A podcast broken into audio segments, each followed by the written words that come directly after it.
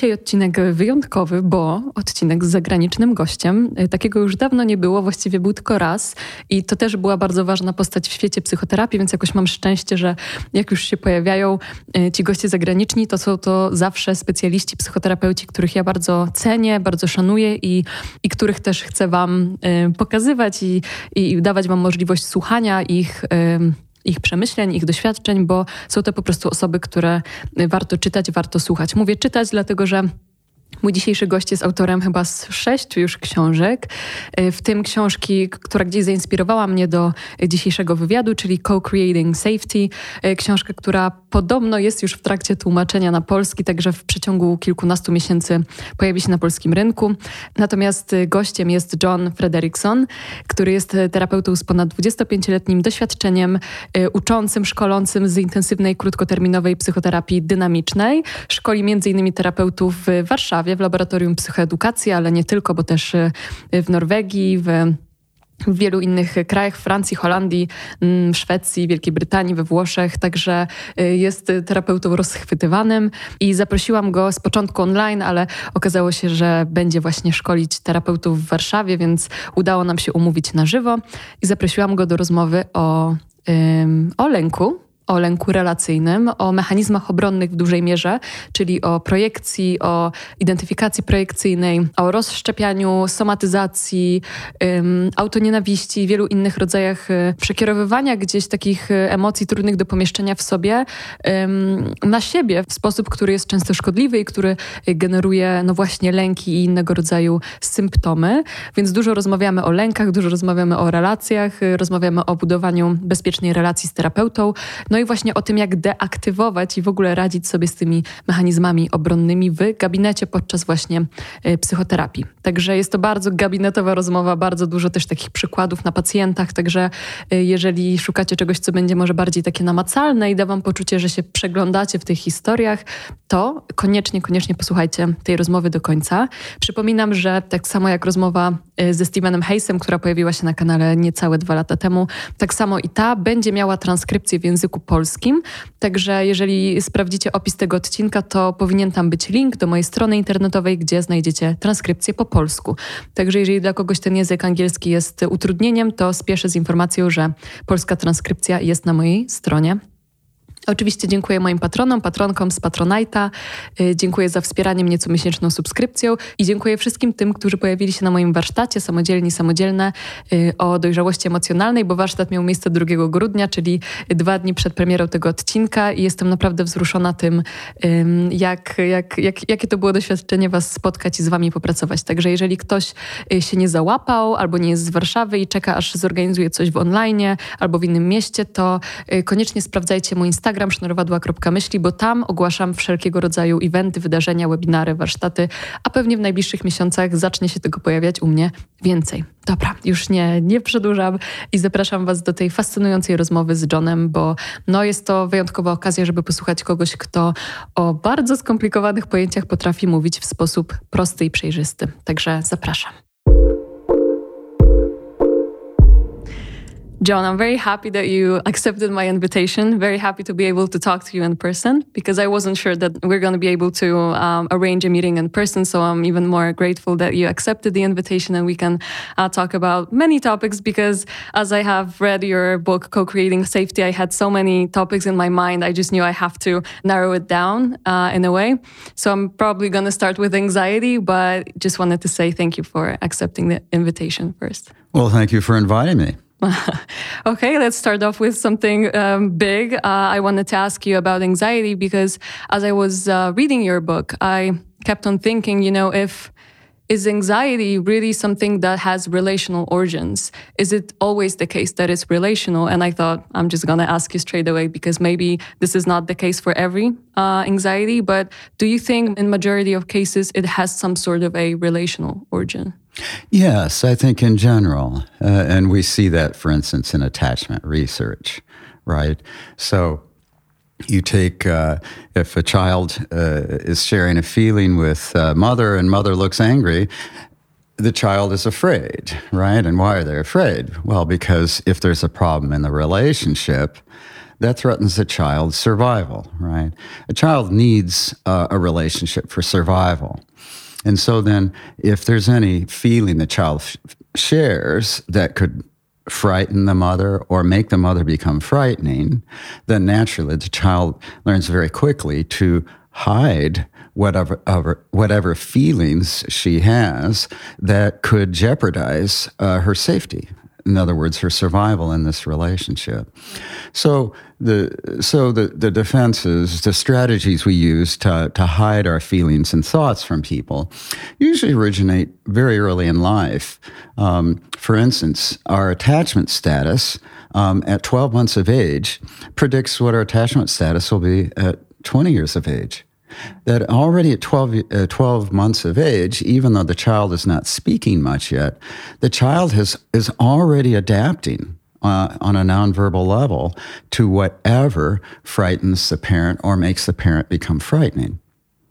So it's kind of breathtaking to realize that the, the child is already wired to adapt to survive. Right and they're wired to, uh, in a way, regulate regulate their parents, right? And That's right. In the process, they often abandon themselves. That's right, because the child, well, the child uses defenses to protect the parent from feelings that, that make the parent uh, anxious or, or frightening.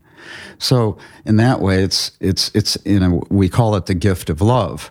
the child loves the parent so much. I'm going to hide my feeling uh, to protect you from a feeling that makes you anxious or frightened or frightening or dangerous which is absurd in a bit because it should be the other way around. The parents should be so uh, hyper vigilant to their to yeah. their child's you know um, well, and many, regulation. And of course, many parents are. Yeah. Many parents are, of course. But we have those cases where yes, the child is is share, sharing a feeling and uh, learns, oh, my parent gets frightened or my parent becomes frightening. And so then the child learns to hide a feeling um, to protect the relationship. And so uh, these defenses always start out really as ways to adapt. So, in a way, what you have is when the child is hoping to depend on the mother or father for affect regulation. But if the child can't depend on a parent for affect regulation, the child has to re- rely on a defense for affect association. And what are the you know examples of those defenses? So what what can you see in adult patients that you can definitely um, trace it back to their um, childlike coping uh, you know strategies? Yeah, uh, take for example uh, a patient who uh, you start to explore. Yeah, so what what feelings are coming up as you're talking about your husband right now. And the patient says, I'm just not a good wife. I'm not good enough. I should have not brought up that topic. Um, he's right. I'm not a good partner. So, in a situation like this, we'd say, okay, so this this patient is really struggling with feeling her anger, for example, and she uses self attack uh, as a defense to, to ward off her anger. And so we might wonder, hmm, why does she engage in so much self attack? Why, why does she protect people she loves by turning anger on herself through the self attack. And then we learn later in the treatment that, that she had a, mother or a father who was very critical of her. And, and, and she learned wow, I better hide my anger, otherwise I get criticized and attacked. Uh, I also am learning that my parents criticize me so much that if I criticize myself first, they won't criticize me. And that if I criticize myself, they may reward me, say, that's a good girl. It's good that you see that you did something wrong. And then I realize, oh, if I criticize myself, it's a way to actually get loved by critical parents. And not losing someone yeah. uh, of whom I'm quite dependent. exactly. That if I criticize myself, I get to stay with these critical parents in order to survive. So, yeah, so it just helps you understand even something like self criticism or self attack, which could seem really sort of bizarre in a way. Why, why is this patient punishing herself? Well, maybe she had parents who punished her and she's learned to punish herself automatically. And of course, it's important to point out that when a patient is punishing herself or you know, criticizing herself, engaging in self-attack, she usually has no idea she's doing it. It's totally unconscious. So, so if a patient says, well, I, I, I, I could never do that, right? To her, it sounds like a fact. So I might say, hmm, is that true, or could that thought be underestimating your true potential? Hmm, now she's in a position, huh? I have to think about that thought. I have to think about that defense rather than take it as a, a fact about myself. Are these the fragile patients that you call them in the book? Are these the, the anxious ones who attack themselves? Would you call them fragile, or is that not the the term? As, as some people do, yeah, because these are these are people where they the self attack makes them very depressed in session, and they begin crying in session, and it's not so much because they're feeling sad; it's because they're attacking themselves. Uh, call, uh, calling themselves ugly or calling themselves stupid, you know, or calling themselves names. And, and at that moment, we're seeing, oh gosh, how tragic, uh, because she's telling us her history oh, this patient, by verbally abusing herself right now, is showing us the history of verbal abuse she suffered. So then she calls herself ugly. I would just say, um, could that be a critical thought in your mind? Yeah. Could we look at that critical thought for a moment? Yeah.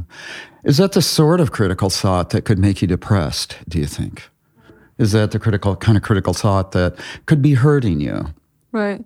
But uh, so, in a sense, you're trying to deactivate the defense, but without taking it away immediately, right? Because if you take it away immediately, what if the person doesn't have anything else to rely on?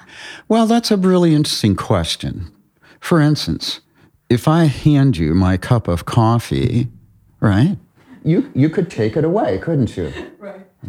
I'm not gonna. Right. It, because it, it's a physical object. You could take my uh, cup of coffee away. If I handed you my wallet, you could take that away too, because it's a physical object. But but you actually can't take a defense away, because a defense is a strategy. Right. It's a strategy of handling feelings. Like, you know, I had years of therapy, but if I want to project onto you right now, I can. Yeah. right? Nobody can take away my ability to project because it's it's a strategy. Mm. So that's a really important f- thing for us to remember. You you can take a physical object away, but you can't take uh, a, a, strategy away. Right. Yeah, I think. So, how do you deactivate the defense? Is it just by making them aware of using the defense, or are you trying to? What is the what, what is the way of treating? Fabulous, fabulous question. Because first, we're just trying to help the patient see that that's a critical thought, and that when we do that, we're helping them see it's a critical thought, and we're also putting a stop to the self attack. See, and that's very important because if we see a patient engaging in a behavior that harms her in session, we want to stop any defense that would be harming her. Otherwise, if she engages in self harm in session, she'll become depressed in session. So this is very important. It goes back to Freud's idea of free association. Sometimes people mistakenly think that free association is people just saying whatever they want, right? But you know, people people go to coffee shops and they go to bars and they say whatever they want all night long. Right? And that's not. and, but, and so if if bars uh, uh, if bars uh, allowed this free association that, that was curing people, I mean Poland, the United States, we'd be countries of just enlightened people, glowing rays of enlightenment. Right? We're clearly not. We're clearly not either, as you can tell. So. Uh, so the thing is, what Freud meant by free associations, can the patient freely associate to something that's difficult? Mm-hmm.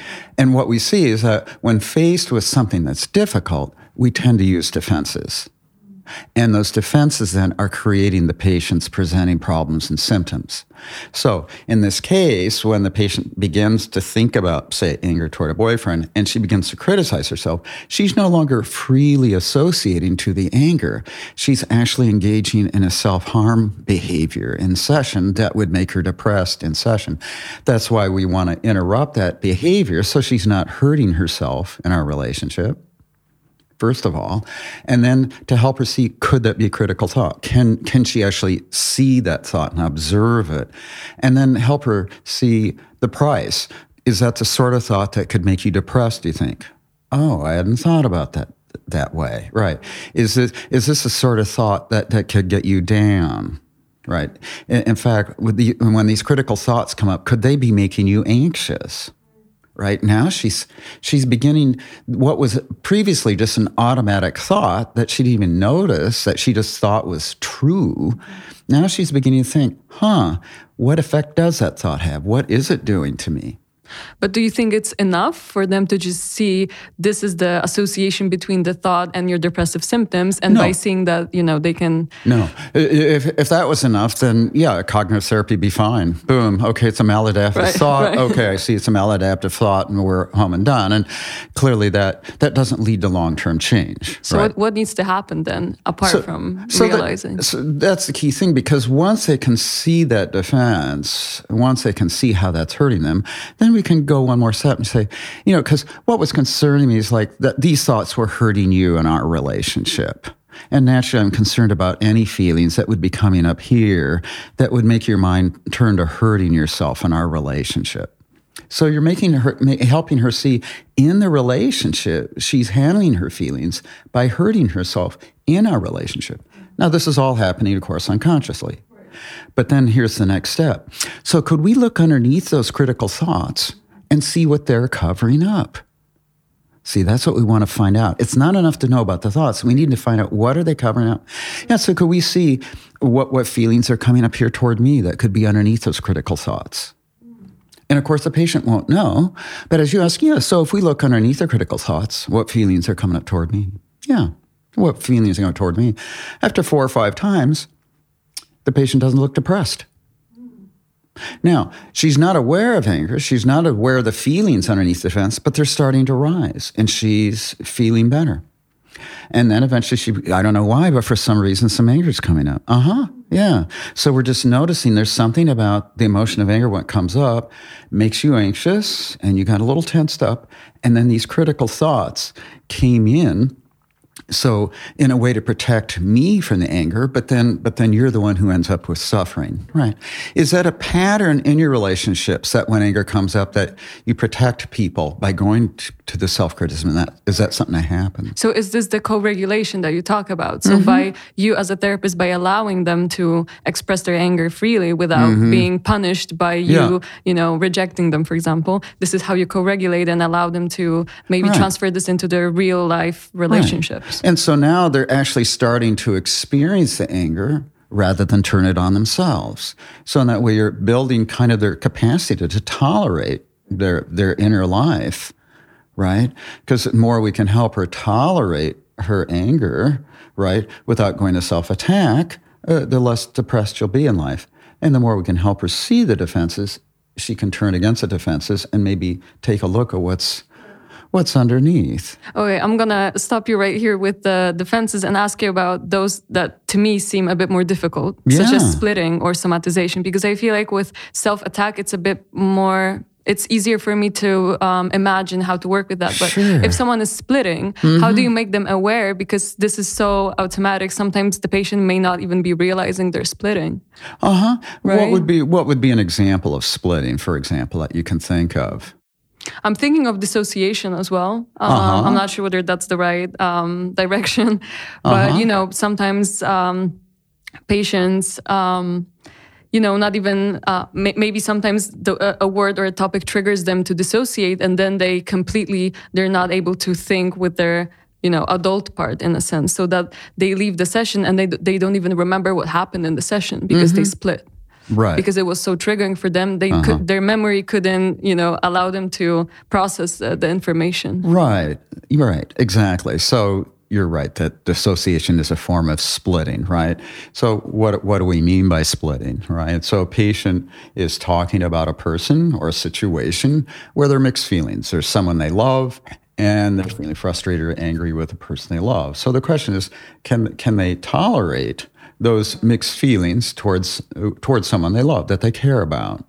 And what happens is as they start to feel these mixed feelings a little bit, anxiety rises and they become a little cognitively disrupted. Anxiety goes into the parasympathetic branch of the central nervous system.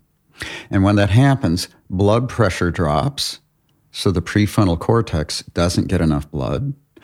pulse rate drops, blood pressure drops, right? So we're not getting enough blood here. Plus, there are neurohormones that are released in the brain that inhibit the functioning of the prefrontal cortex. Plus, plus we have uh, the hippocampus starts to shut down, so the patient has trouble remembering. And then there are physical symptoms. The patient gets blurry vision. They um, maybe have ringing in the ears. Uh, they get a little dizzy. Okay, and that's from the parasympathetic nervous system. Now, so that we have the mixed feelings and then the activation of anxiety, which goes into cognitive perceptual disruption. Then, can the patient tolerate that anxiety or to end the anxiety, they might split the two feelings apart. And then that ends the cognitive perceptual disruption, right? I'm feeling, feeling a little angry with my husband you know, and I'm getting a little dizzy, and then I'm just a bitch. Mm. Mm-hmm. Right? I'm all bad. Or he's just a bastard. Right? He's all bad. Now, so it's important when we look at splitting that we look at it as a process, right? That there's a rise of mixed feelings. And then the patient starts to disrupt, right? And if we can catch her disruption right there and just regulate her anxiety, she won't have to go to splitting. So when we're working with someone, we're paying close attention. What kinds of defenses is she using? Is she able to manage this talking about mixed feelings? When does she start to disrupt? And then when she disrupts, our first step would be so so thank you for letting me know you're getting a little dizzy. So we're just noticing there's something about these mixed feelings with your boyfriend. They make you anxious and you get a little dizzy. Something about mixed feelings. Yeah, this dizziness comes up. Mm-hmm.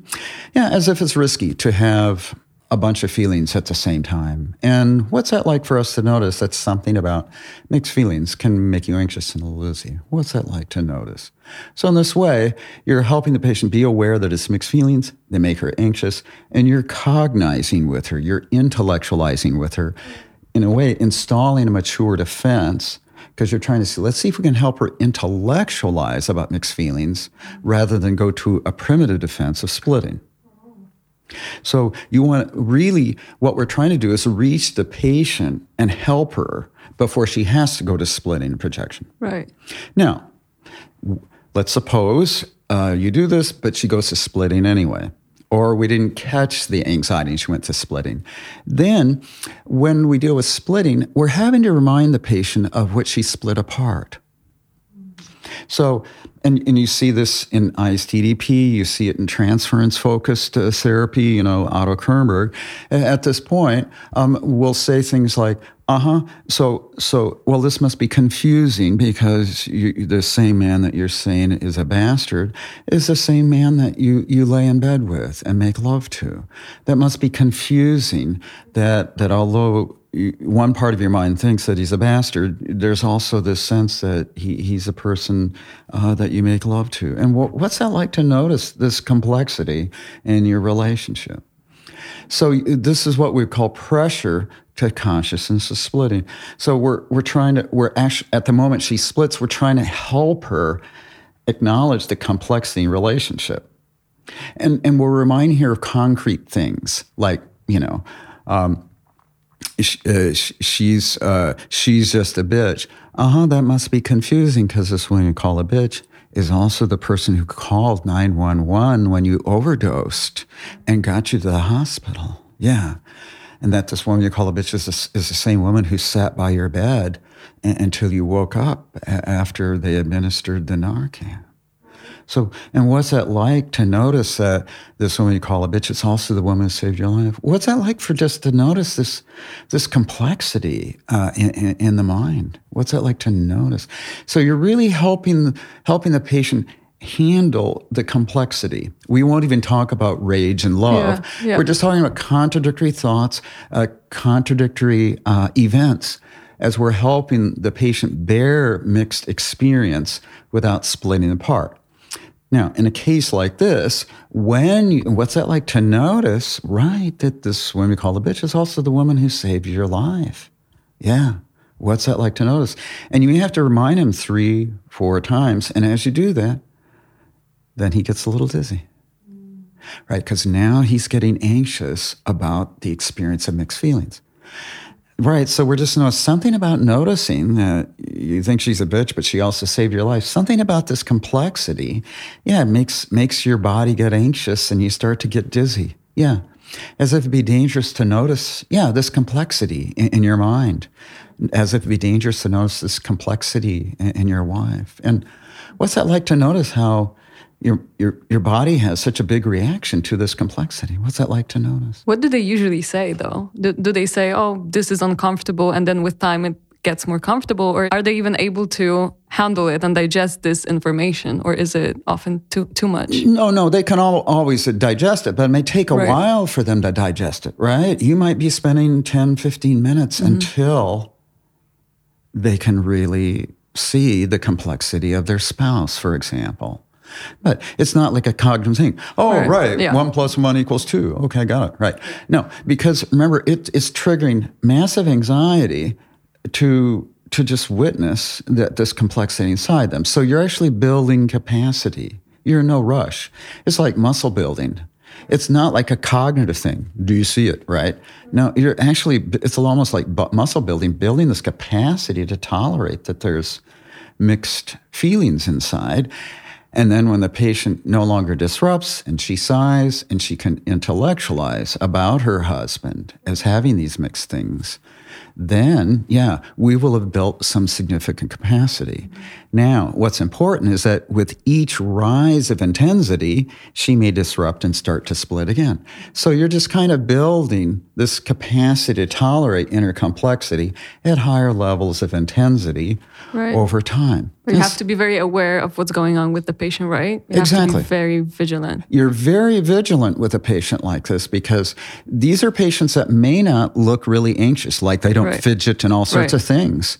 In fact, they may just look kind of flat. You'll see no tension because their anxiety is not going into the somatic nervous system. They're not clenching their hands and, and the sign. Um, actually, there's no tension so one of the signs that we we know is that, we, of course, we regulate anxiety initially when we work with them, and we always let patients know. Now, if, if you ever get blurry vision, you get ringing in the ears, if you become dizzy, if you notice any sickness to your stomach, let me know right away so we can regulate your anxiety. I, I, don't want this to be an uncomfortable process for you, and we both want to make sure that your anxiety doesn't get too high. So then the patient will then let me know. And that way we can catch that anxiety before they have to split or before they have to dissociate. Right. Um, then how do you work with patients who um, who use projection or projective identification as a, as a as a defense because I think this is very interesting, especially projective identification that happens sometimes so quickly and so unconsciously that you do, you don't even realize you're using it. Um, so because the way you describe it i understand that it, it's a cooperation between you know a therapist mm-hmm. who's vigilant and a patient who's aware of their bodily sensations but sometimes with somatization or projective identification you know it just happens and you're just not even aware you know that it already happened how do you how do you help your patients see that defense and regulate it regulate the anxiety coming sure. Well you know and of course if when when the patient's anxiety gets too high they'll split feelings apart and then they may also project. Right. Right so a patient might say, "Well, I, you know, you, you just seem really critical to me." I say, "Oh, uh, I wasn't aware of that. Uh, could could you let me know what I've done here uh, that would have felt critical, so so we could take a look at that? Know, well, what are you noticing? So you see, can, can you know? Because if I have been critical, I'd, I'd certainly want to know about that as a therapist, right? Um, but I also, and so it's an honest inquiry with the patient to help them begin to look at, okay, is is there evidence for that? So that we could restructure. Because uh, often the patient says, I just think you're really critical. Is, is there any evidence for that? Is there anything you see? Because I certainly want to know. And eventually they say no. And then I can say, you know, in my experience, a lot of times people who are afraid I would be critical of them, oftentimes these are people who suffer from way too much self criticism. Is that something you suffer from? right? Because they're, you know, people who think I'm critical of them suffer from too much criticism. So and then she says yes and she becomes kind of weepy. So so if i notice any self-criticism happening in this session do i have your permission to point that out so you could be in control instead of self-criticism being in control of you? Right. Right? So in that way that would be a for instance one way to handle a projection that mm-hmm. i'm critical. What if the patient is deliberately provoking you to to to be a bit more hostile? I mean, of course, you're much more aware of your mm-hmm. intervention so you won't be you know mm-hmm. hostile but the way she talks is in a way to provoke you to be a bit maybe you know a bit more cold a bit more distant and then she can say you know got you. You're distant. You're cold. You're hostile. You're critical of me. Uh-huh right? So if she provokes you because she wants to confirm the preconception that sure. she has that she's a person that's criticized by others. Sure. Uh, let me give you an example. So, a patient I saw many years ago was very hostile. He was attacking me, saying how mm-hmm. terrible I was in so many different ways. And then he says, I think you hate me. right. I said, well, to be honest, uh, when, when you insult me and call me names, yeah, I do hate your guts. It's true. Uh, and and when you call me names, you insult me, and you say that all the work is terrible. Yeah, I, I do feel hate. It's true. Now, and to be honest, it's, it's not really that hard to make me angry. It's not that hard. So if you want to do it, you can do it. But here's my question for you. Why are you working so hard to get me to punish you? He'd never thought of that before. Right. And then he began to see, wow, I am inviting people mm. to punish me. Right? And we well, look, of course you feel angry with me. It's, it's just stirring up a lot of feelings, isn't it? But we're noticing when you feel angry with me, something about makes you feel so anxious that, that you're, you're, almost, you're almost trying to provoke me so that I will punish you, yeah, for, for this anger. Right. Yeah. Uh, another case, uh, uh, uh patient who's also been very, very provocative with me. She'd uh, she'd come in for a consultation. She'd been in therapy for 20 years with a very good therapist in Washington, but this patient had been chronically uh, depressed, chronically suicidal, in and out of hospitals. And the therapist was feeling a bit stuck and wondered if I would consult. I said, sure. So I saw her for a one time meeting for three hours, a consultation. And this woman is really quite snarky and irritable and, and, and, verbally attacking and so on. And, and so I was asking about, you know, what feelings were coming up toward me that would, you know, make her behave in this way.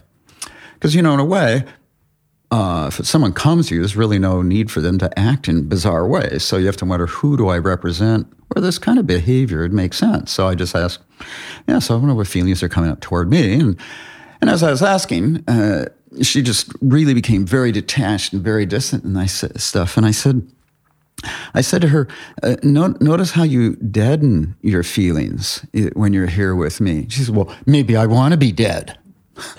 right, right. you know, provocative statement. And, and of course, she had been suicidal. And so I, I said, well, of course, as you know, if you want to be dead, it's very easy to arrange. Every, uh, as you know, every drugstore has all the ingredients you need to kill yourself. And the other thing is, is neither I nor your therapist can stop you. So the good news is, if you want to be dead, you can, and nobody can stop you. Even in the hospital, people commit suicide even in the hospital. So the good news is, if you want to be dead, you can do it I can't stop you. She can't stop you. Hospitals can't stop you. But then the question for me is yeah, what has happened in your life that makes you want to go through life as a dead woman? And she just burst into tears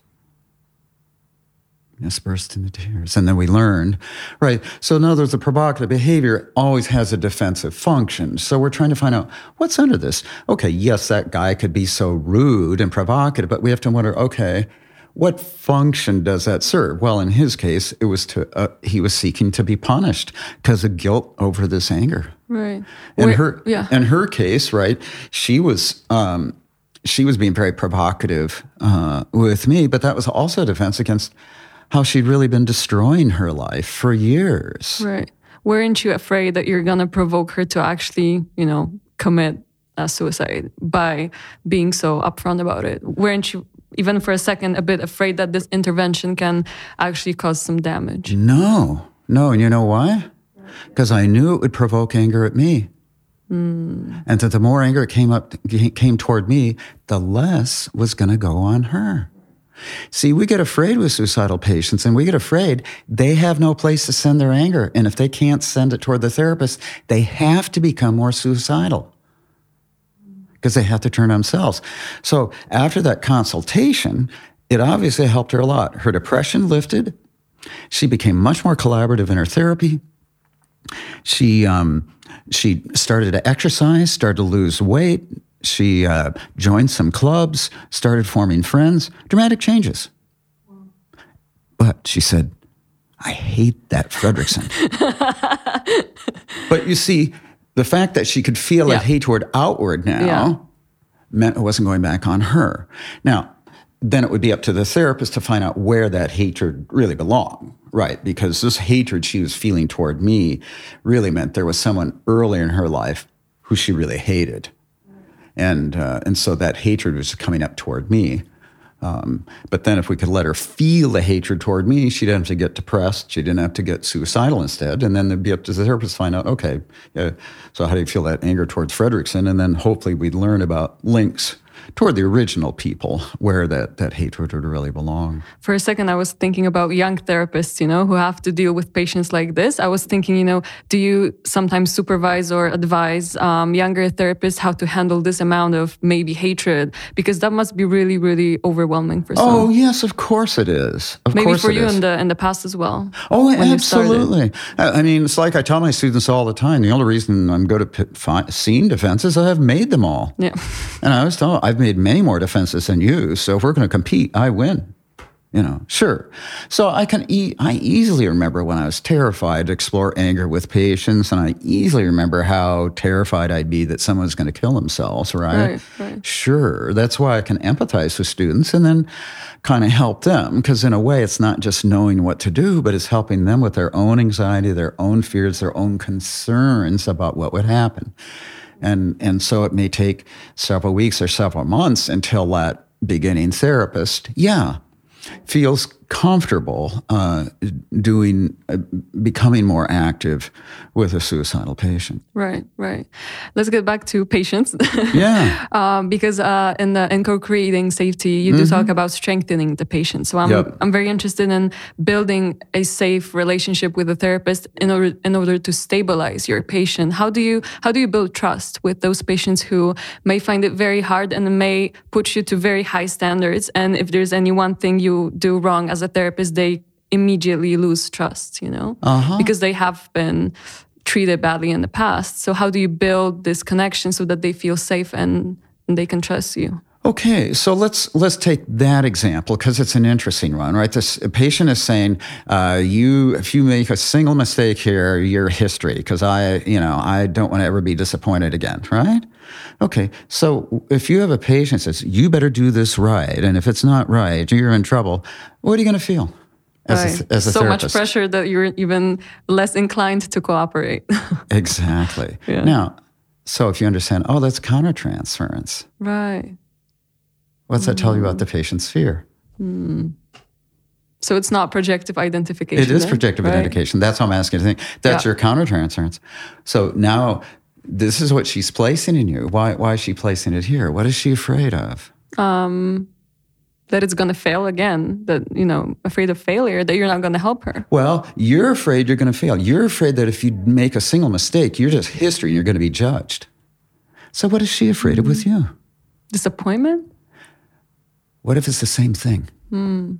What if she's afraid if she makes a single mistake, she could get kicked out of therapy? Right. That you're going to reject her as a therapist. Exactly. Say, you're not cooperating well, bye bye. Yeah. Mm. Right. Right. Well, I notice uh, there's a what you're, what you're saying here makes sense because you, of course, you would love to have a therapist who never makes mistakes and never never disappoints you. That's very understandable. I mean, unfortunately, of course, all of us are human and we all make mistakes and there's disappointments. But I wonder, uh, I'm, I'm having this feeling as if I'm going to get kicked out unless I'm perfect. And I'm just wondering, have is this been a struggle in your own past that you felt you were going to get kicked out unless you were perfect? Is this is this something that's happened in your own background? Right. And now you have to be the perfect patient to be the best yeah. in therapy. uh, another one, uh, another one, uh, another way you could do it is like, yeah, I'm having this sense as, as if if I uh, if I make a single mistake, I might just get kicked out. Yeah, yeah. This is you know because um, there would really be no reason for me uh, to kick you out of therapy. Because any problem you have is, is really not a reason to kick you out. Any problem you have is, is here for something for us to understand. Right. Yeah, because then she thinks if she doesn't progress fast enough, then you're going to be disappointed with her progress and you're yeah. going to.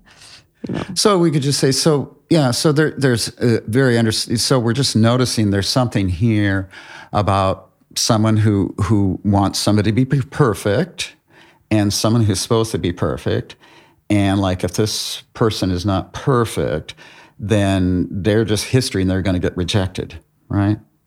So there seems to be just kind of a pattern coming up we can look at of of kind of a judge and like I, I, could be in the role where, yeah, if I'm not perfect, if I don't do this well enough, I could just be kicked out on a moment's notice, right? So there's sort of like a judge and a judged person here that that that, that comes up in our relationship for some reason. Interesting. Yeah, I, I just think a lot of patients um, struggle with that, struggle with trusting their, their therapists because they have been let down for so long for, by so many people that we're supposed to, you know, take care of them. Exactly. That is just so. And, and, there, when and that's a different situation because we had one where there's a perfectionist judge, but where someone is. I've just been let down by by a lot of lot of lot of therapists. I, I'd say so. So although it looks like it's just you and me here um, actually you're letting me know that there's a lot of other people in, in, in, the, in the office with us. Right. So we, we don't really begin with a, with a clean slate, do we? No. that, that, that, that in a sense, although you're, you know, you're here with, you're here with Jon, uh, there's like these other people coming in between us. And, and it, it can be kind of hard to see Jon when the images of these other people come between you and me, and these images are trying to prevent you and I from having a connection here. Jon is holding a plate, by the way, if, if someone doesn't know because they're listening to audio. right. They're trying to help the patient see that an image like a plate can, can come between us, and then the patient will see the projection, but they won't see me. And you're trying to help them how that would interfere with us forming a connection, because then the patient would be having a connection with that projection instead. And there, there I might say, so I wonder, given that you've had some bad experiences before, uh, would it make sense for us to maybe take a look at what got stirred up in those previous connections so we could kind of clear the air here for you? Right. I know a lot of people who say, I will never trust a therapist because I have to pay them. And the fact that I have to pay them means that this is not genuine because they just receive money for it, mm-hmm. for it you know? Mm-hmm. What mm-hmm. do you mm-hmm. say to patients who are so afraid that they're just focusing on the fact that this is not a real life re- relationship because I'm paying you, this is a service, and there's no way I'm going to trust you? Because I know a lot of people who, who, who don't want to go to therapy just because of that. Sure. Well, keep in mind, um, you don't have to trust me you, you, can, you can distrust me as much as you want, right? These are your problems. Um, you can trust me and we can work on the problems, or you can maintain a wall of distrust. That's, that's really up to you. You have a right to maintain as much distrust as you want. And if that wall of distrust is helping you, it would make sense for you to maintain that wall of distrust. Well, aren't you supposed to convince me to take down that wall? No, I have no right to uh, convince you of anything. Honestly, you really need to listen to yourself. If you're really convinced that, that I'm not helpful to you, yeah, you should maintain that wall of distrust. Sure, that makes sense. Now, when someone says, I just don't just trust because uh, I, I have to pay for this, and I just say, yeah, wouldn't, wouldn't that be nice if I didn't have to pay rent for my office? Wouldn't it be nice if I could go to the grocery store and I didn't have to pay for groceries? Wouldn't it be nice if I didn't have to pay rent for my apartment? Wouldn't it be nice if the car salesman gave me a car for free? I totally understand. I wish everybody gave me stuff for free too. That's a good one. right. You empathize yeah, with yeah. the under, underlying wish. I mean, right. I, I mean, yeah, if we knew we could go down to the Mercedes store and people would give us a free Mercedes, I mean, who wouldn't do that, right? Yeah, I mean, of who would have worked? but this is a way to join the patient. Yeah. yeah, of course you wish this would be free. Yeah. What about resistance? How do you work with resistance? Do you treat it as something to deactivate and help them regulate their anxiety, or is it something that you perceive as valid and important and maybe it means that there are some topics that it's too early to disentangle. Yes yes and yes. Right. Because in one sense resistance is a barrier to treatment because the patient is keeping you at a distance for example. Okay so that's it's a barrier to treatment. On the other hand the patient is showing you the pattern that messes up all the relationships. That's really ha- helpful. Like we want to know what is messing up the relationships. So, oh, if the patient's doing this with me, ah, that's good because then if they keep everybody at a distance, that would make them lonely. Uh, that would damage your relationships, prevent them. Yeah. So we're already, it's very useful. Um, the resistance is also helpful on another lo- level. Oh, this this um, uh, this patient who who's not trusting me. Ah, okay. So there's some history of betrayed trust in the past. Okay. Or there's a, pa- a, a, patient, maybe had a parent who never trusted the patient and disbelieved the patient. For example, I was working with someone recently and I was talking to, to, the, to this person, and this, this person kept looking at me skeptically. And then I had this thought, you know, I'm having this experience with her that no matter what I say, she's never going to believe me. And she'd been talking about her mother. And so I just, so then this is projective identification, right? I have the sense she's never going to believe me no matter what I say. And since she was talking about her mother, and I said, and I'm just, this is just a hunch, but I'm just wondering, did you have the experience with her that no matter what you did, she was never going to believe you? And she just relaxed and said, yes. Smart. right? So countertransference. I had this sense, yeah. oh, she's never going to believe me. Oh, okay. She's in that sense. Is that a problem? No, it's a it's an opening. Oh, yeah, it's an information for you. It's exactly, data. it's yeah. information. Oh, she's letting me know something about her mother she's never been able to put into words. Right. And then I could, and then I could say, I had just a hunch. I wonder, yeah, you had the sense that you would never earn your mother's trust. That no matter what you said, she would always be suspicious of you her suspicion with me dropped completely. Right? Because her suspicion of me, she was enacting her history. She, through action, she was telling me what she couldn't express in words. So, in that way, you see, the, the resistance is simultaneously a barrier, and at, this, and at the same time, it's the doorway. Right. Right. Every door is a door and a doorway. Right. So, in one way, it's a locked door. and another way, it's the doorway. So, paradoxically, it's all those things. And you have to deal with that first so that other things can come up in what or, whatever order they need to come up. Right. So there's no way of doing therapy wrong because if you come and you just say, I don't know, this is also a piece of data for you as a exactly. therapist. See, that's why a patient think, says, I, I, think doing this wrong. I says, oh no, you're doing per- therapy perfectly. My job is to find out where every ex- uh, expression you make is perfect. Every, everything the patient says is the perfect expression of her need. My job is to find out why is that the perfect expression. You know, so like when that when that guy was behaving so badly and cursing and spitting at me and said, I think you hate me. Now, would I wish any therapist to go through that? No. is that is that the description of my perfect day as a therapist? Not really, but it was a perfect expression uh, of where he needed help because uh, he was enacting this need to get punished. But but do you think drawing boundary right there with him would have been a good um, idea for a therapist if he feels vi- or she feels violated, or is it gonna interrupt the process with the patient? Well, I think, you know, obviously you don't want patients abusing you, of course. But the thing is, you want to be thinking about if this patient's abused me, why are they doing it? Because you can set a limit and they'll simply feel judged and angry, but they won't be understood. Right?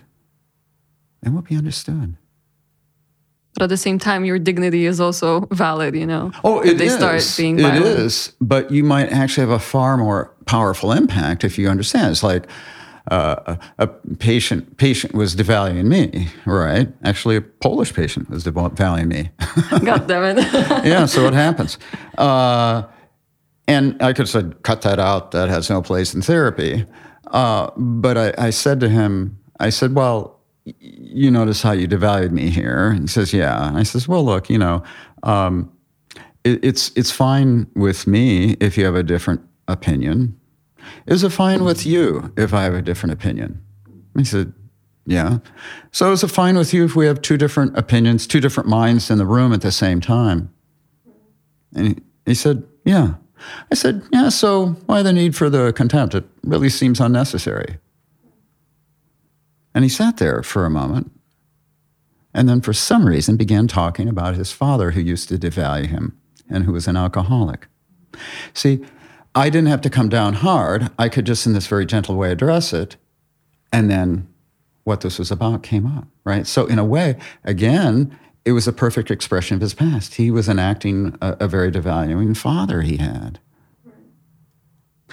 Uh, I also want to ask you about anxiety regulation in terms of what happens between sessions, because I'm thinking, you know, everything we talk about happens in the during the session, but then what happens to patients who experience those triggers in between sessions? How do you empower them to be able to regulate themselves and uh, notice those things when you're not around as a therapist, you know? Well, a couple things. I, for, for, instance, with any depressed patient, I'll say, so after this session, you know, if at any point you find self critical thoughts coming up, or if you find yourself feeling depressed, ask yourself this question Who am I angry with? Just keep asking your question because then because your self attack and your anger is, and your depression is covering up anger. So just ask yourself who are you angry with, and then and then we'll we'll have some useful information uh, next time we meet. So it's like it's like a little homework assignment for for more fragile patients. Is, I spend a lot of time talking about their anxiety and yeah, this you know like the dizziness or ringing in the ears. Those are signs of anxiety and and I talk about the triangle of conflict. So when these feelings come up, you get anxious, and then you can have these symptoms. Are you noticing that? And and I do this repeatedly through the session, so they begin to see this really is a pattern.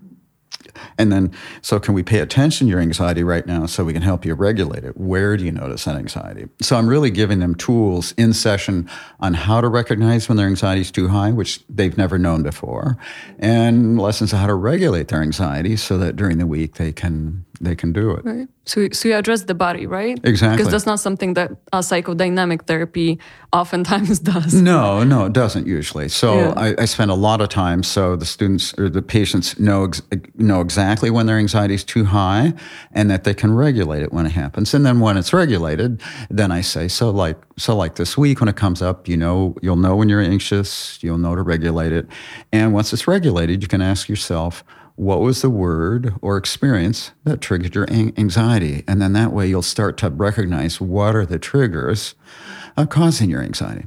Hmm. Interesting.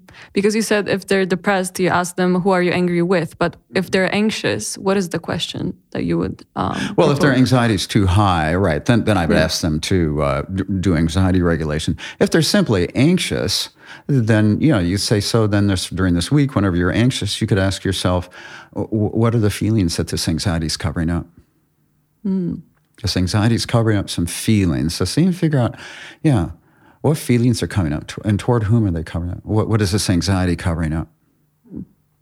Do you are you familiar with IFS and mm-hmm. because I'm I'm just curious whether this is something that you find interesting as well working with parts and maybe asking that a patient who's experiencing anxiety you know which part of you is actually experiencing that is it your childlike part your teenage part is mm-hmm. it actually your adult response to an adult um, relationship that's going on right now or is this adult re- relationship triggering an anxiety that's uh, experienced by your childlike part that that's you know that concerns someone else not the mm-hmm. adult partner that you feel it with. yeah well um, I, I, I don't recommend that with fragile patients because that, that would really encourage splitting. Right. And we're actually trying to resolve splitting, not have patients talk about parts. Right. Right. So um, you have certain, you yes, there's a certain group of patients where this kind of part language can be helpful, like if they're um, mildly depressed, mildly anxious, that group that group will probably respond pretty well to it. Um, you have a certain group where they tend to be quite resistant and they really keep their distance. They won't respond uh, respond to this um, because they uh, uh, they'll t- you'll, they might say something. Yeah, well, that distancing part part re- yeah really did a number to me this week you know so they can yeah. actually misuse part language in the service of defense interesting yeah so it's it's a it's a useful technique uh, what i like about it is is that they're really conveying a sense of compassion for defense uh, recognizing defenses are adaptive of course this was this was written about 90 years ago but it's always good for people to be reminded yes Defenses were originally a form of adaptation. Uh, they were originally very helpful. And, and to be, if, if we can help a patient see how something was originally very helpful, that oftentimes helps them see how it's not helpful today. Like, right, so, so we see that, that learning to criticize yourself in front of this critical father probably saved your life, didn't it? Yeah. So can we thank that five year old girl for being so brilliant to come up with such a great strategy. But now, could we agree that this self attack then was your best friend, has in a way become your worst enemy today? So, could we maybe, maybe uh, with your 30 year old mind uh, today, uh, could we maybe take a look at the feelings together that were too frightening to face alone when you were five? Right, right. So that helps them. Yeah. right helps helps them get clear about the task. Interesting, yeah. thank you. Because I didn't think about IFS in that way, so that's also very um, interesting. Coming slowly to an end, I want to ask you maybe a difficult question, but um, for many patients, a valid question. How do you know that it's time for you to uh, say goodbye to your therapist because you're ready to face reality by yourself? Because I feel like a lot of patients are scared that they're going to be dependent and going to be stuck in therapy for 10 or 20 years. Um, is there any way that you as a therapist know that your patient is slowly coming to the end of the process? Because i feel like at least personally therapy is a process that should at some point end right? Absolutely. Absolutely.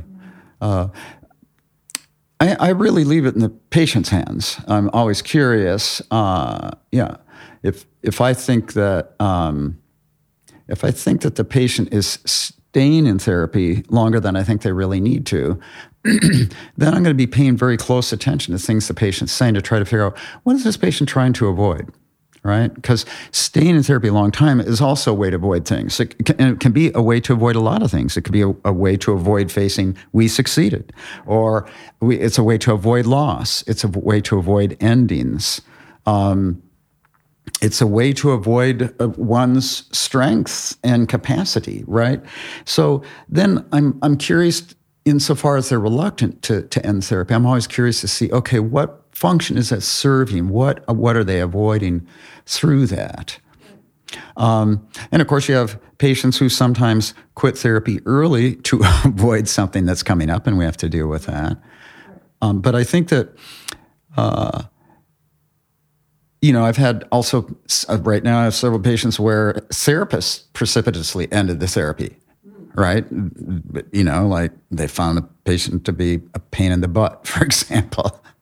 Uh, or just f- for reasons we don't understand or there you know so in cases like that i make it very explicit the therapy will end when you decide it ends all right because that's that's the only way it will work this yeah. this will be your your decision. Your decision. Yeah, yeah, um, yeah. I'm just thinking about you know this healing culture that uh, gives you the impression, maybe uh, misguided, that there's this point in life where you're healed fully. You know? Right. Well, I w- I wouldn't.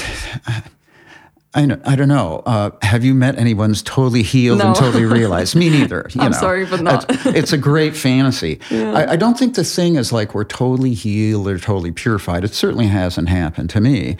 The question is, does the patient now have the tools, you know, to continue their, their inner work, right? It's like uh, the, the analyst Wilfred Bion said, analysis doesn't end, the relationship ends. Because your self analysis goes on for a lifetime. See, so what ends is our relationship, but the self analysis, the continual, we will have stressors in life.